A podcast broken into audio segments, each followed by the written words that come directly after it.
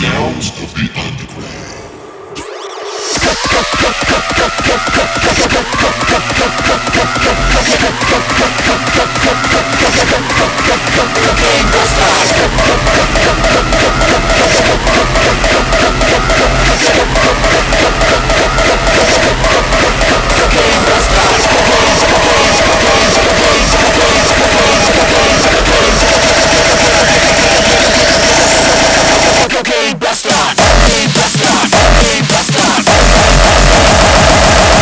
cocaine bastard.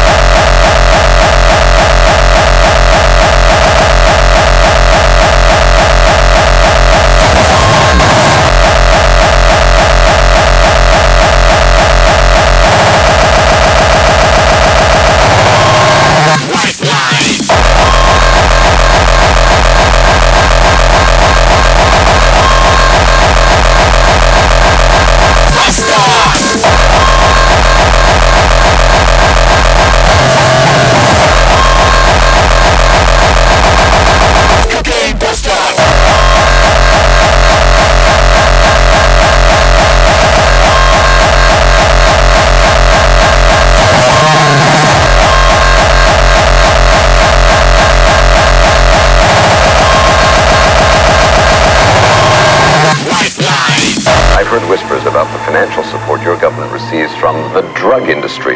Well, the irony of this, of course, is that this money, which is in the billions, is coming from your country. You see, you are the major purchaser of our national product, which is, of course, cocaine, cocaine.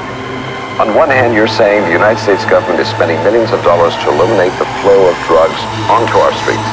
At the same time, we are doing business with the very same government that is flooding our streets with cocaine, cocaine, cocaine, cocaine, cocaine, cocaine, cocaine, cocaine.